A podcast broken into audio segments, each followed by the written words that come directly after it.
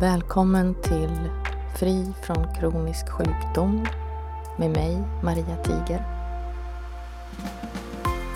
Välkommen till podden som du aldrig behöver dra ner till under 1,0 gångers hastighet.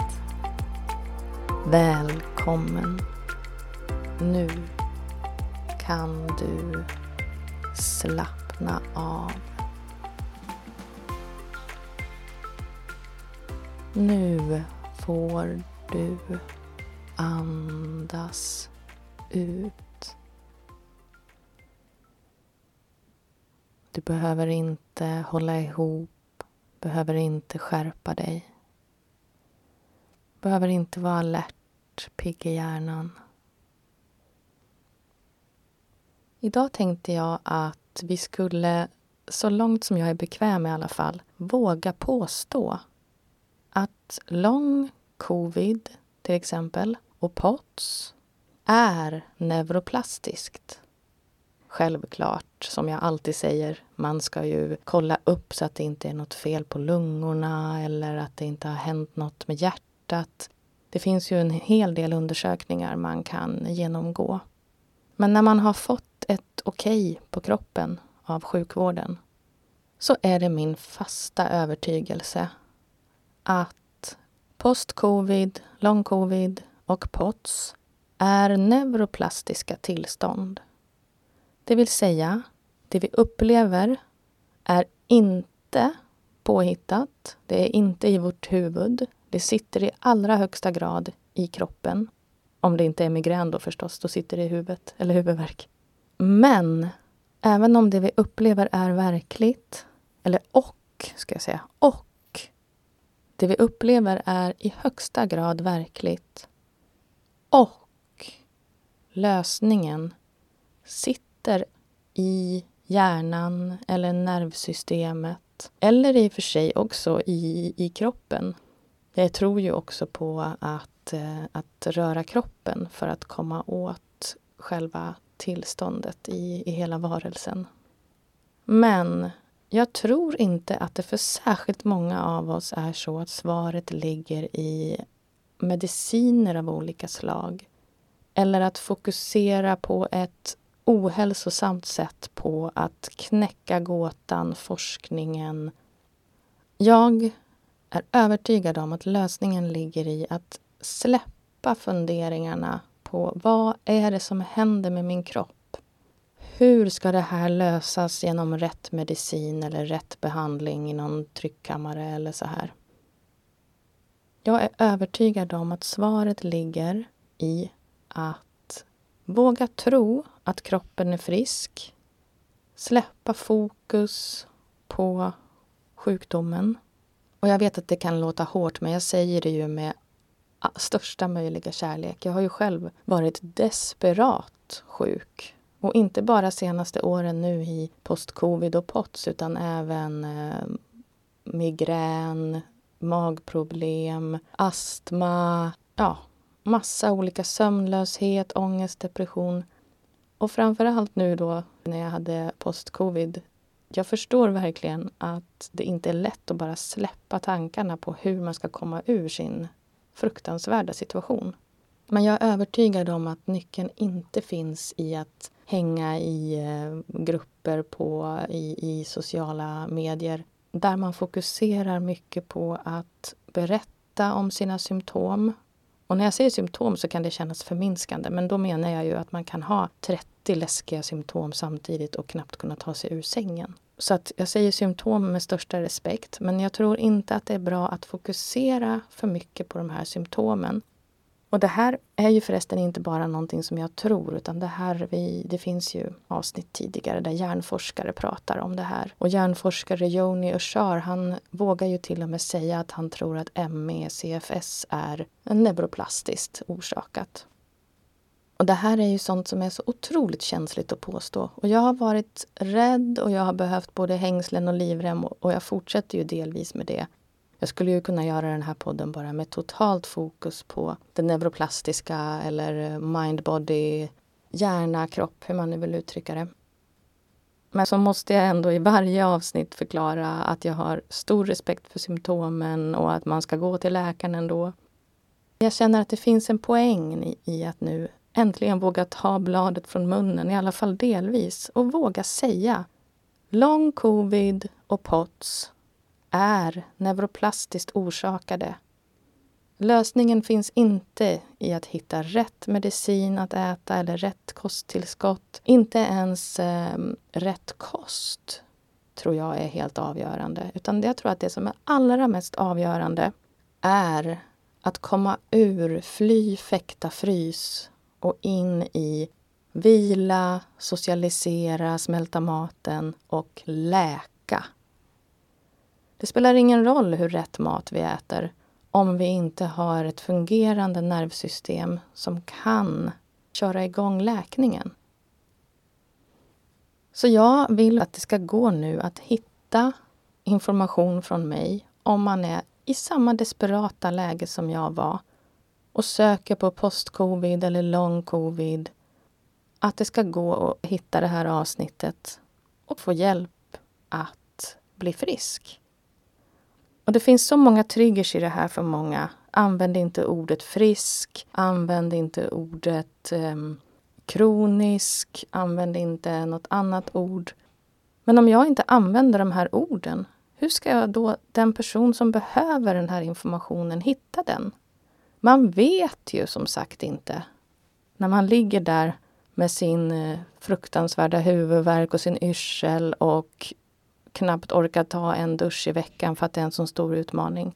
Då vet man inte att man ska leta efter holistiska sätt att bli eh, frisk eller ordet neuroplasticitet som jag gillar att använda för att det känns så vetenskapligt och då kanske folk kan ta till sig det här på ett bättre sätt.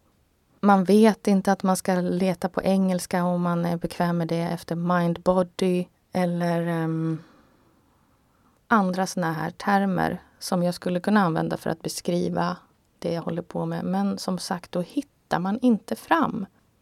När jag stod där med min femåring i handen och inte kunde ta honom hem två kvarter från förskolan för att jag var så fruktansvärt slut.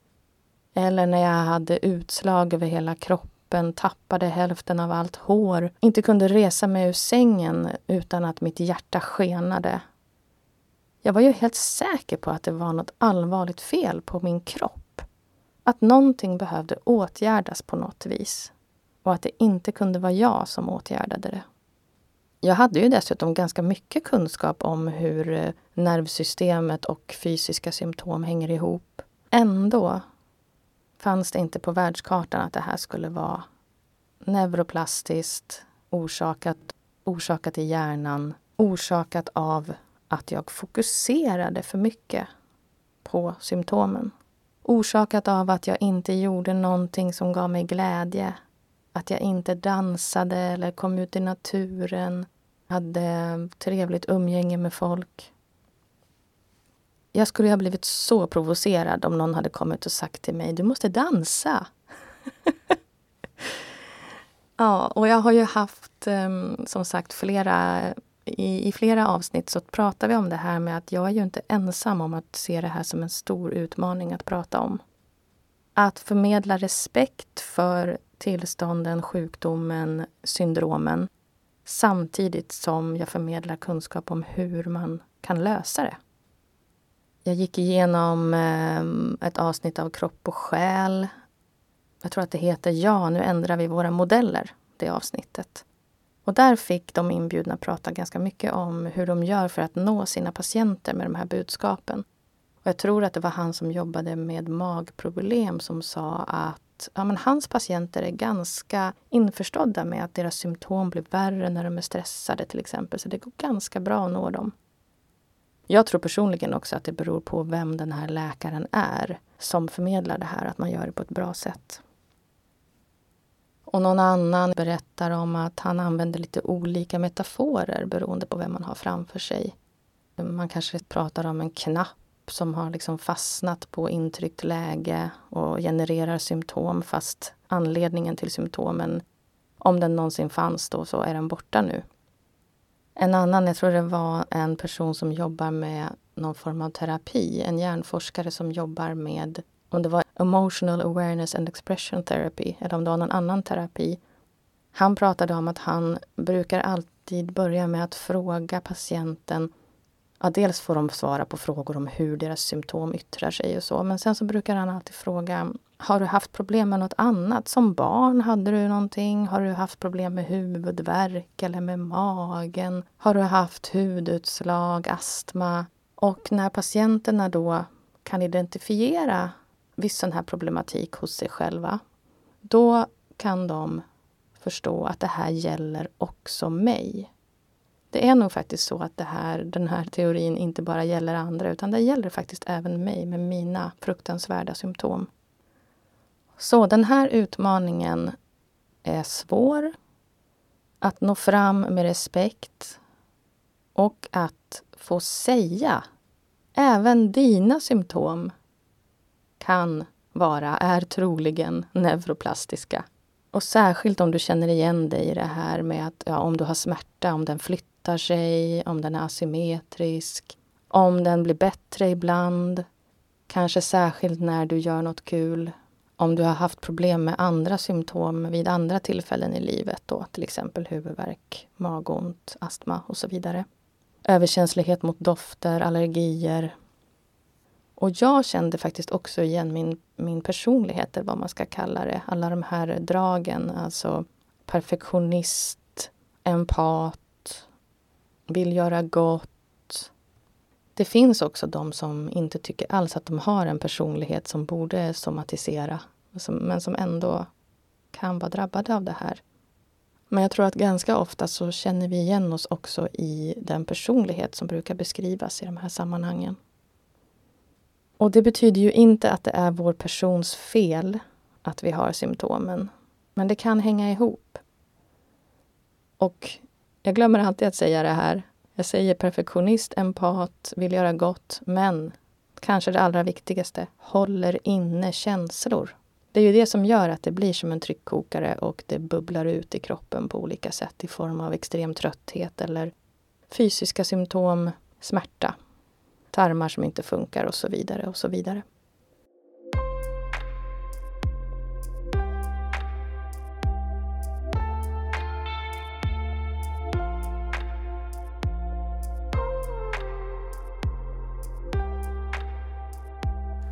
Det finns också tillräckligt många läkare nu och hjärnforskare som säger rakt ut att postcovid verkar vara ännu ett neuroplastiskt tillstånd, en neuroplastisk diagnos.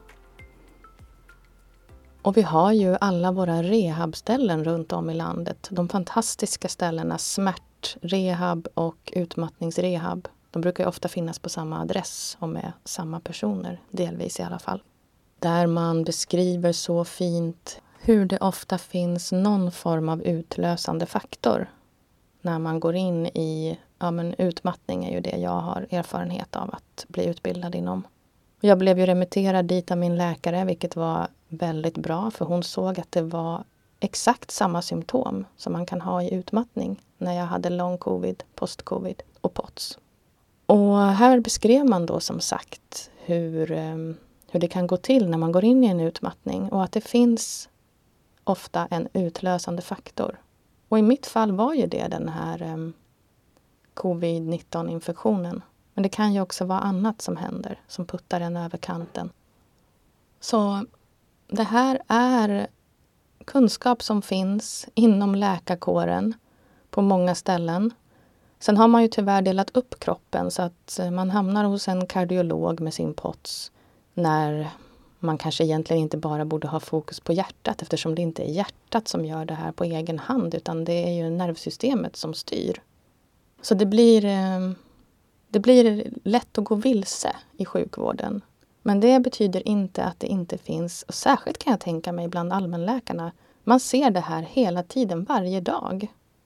Och vi måste våga säga syndrom, diagnos, sjukdom, sätt in valfri, är neuroplastiskt orsakad. Är psykosomatisk, vad man nu vill använda för ord det som når fram till patienten. Eller i mitt fall då, det som når fram till mina medmänniskor, mina medsjuka.